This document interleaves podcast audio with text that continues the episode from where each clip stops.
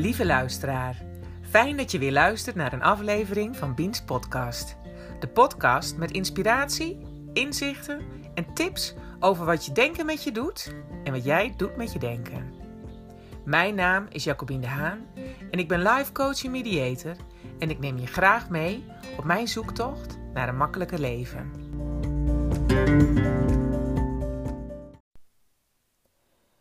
Op 13 oktober 2017 werd bij mij borstkanker geconstateerd. Mijn leven stond op dat moment totaal op zijn kop.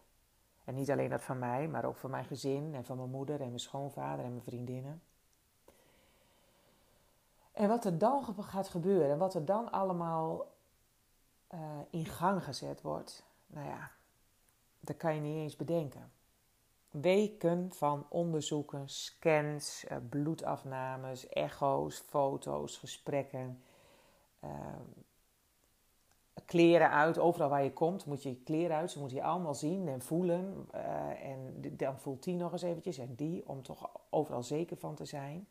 En of er geen uitzaaiingen zijn. Het, is een hele moeilijke tijd. En wat het nog moeilijker maakt, dat is het wachten op uitslagen.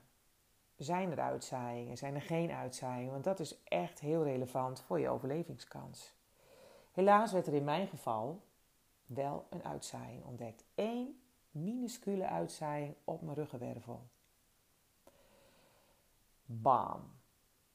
Zakt daarom mijn overlevingskansen naar 50% of 40% of wat? De artsen die gaan er met een gestrekt been in. Die hebben, die hebben vertrouwen. Dus ze zijn vol vertrouwen. Ze gaan mij behandelen als zijnde geen uitzaaiingen. En dat houdt in, uh, maar het houdt wel in dat ik de volle lading krijg. Zeven maanden chemo, uh, operaties, ik heb een borstamputatie en uh, de bestralingen. Nou, alles is nu achter de rug. Ik ben ruim een jaar mee bezig geweest. Ik ben hersteld.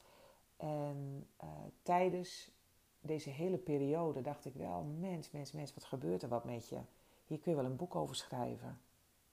En dat heb ik dus dan ook maar gedaan. Ik ben begonnen met schrijven. Wat geresulteerd heeft in een vaste column in de Meppele Krant en in de Steenwijker Courant.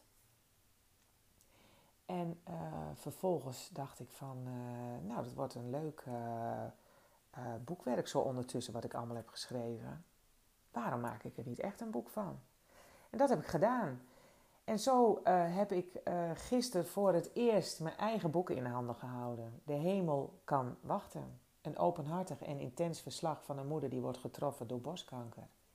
En ik wil even een stukje voor jullie voorlezen. En dat stukje dat heet ook de hemel kan wachten.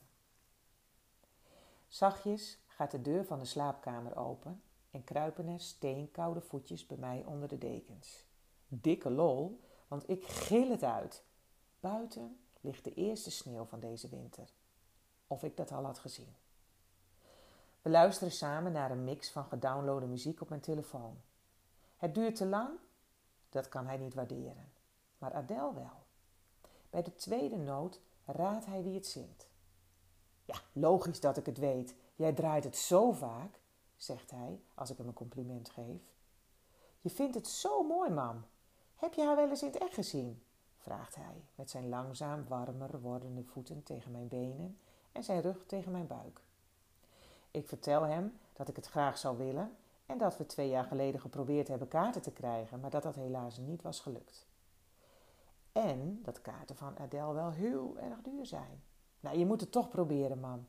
Dan ga je toch alleen met papa? Zij leeft nu nog. Even moet ik schakelen. Zij leeft nu nog? Ik leef nu nog, gaat het door mijn gedachten. Maar dat is geen gedachte in het hoofd van mijn zoon. Hij vertelt verder. Zij leeft nu nog. De meeste zangers en zangeressen die zo goed zijn, die gaan dood aan de drugs omdat ze zo ongelukkig worden. We luisteren verder. Make It Rain. Een voor hem onbekend nummer van Ed Sheeran. Toch heeft hij na twee keer raden goed. Hij herkent de stem. Terwijl we nog even liggen te luisteren, ben ik blij dat hij, ondanks wat er de afgelopen jaar met ons is gebeurd, vol vertrouwen leeft. Zij leeft nog. Maar ik ook. En de hemel kan wachten.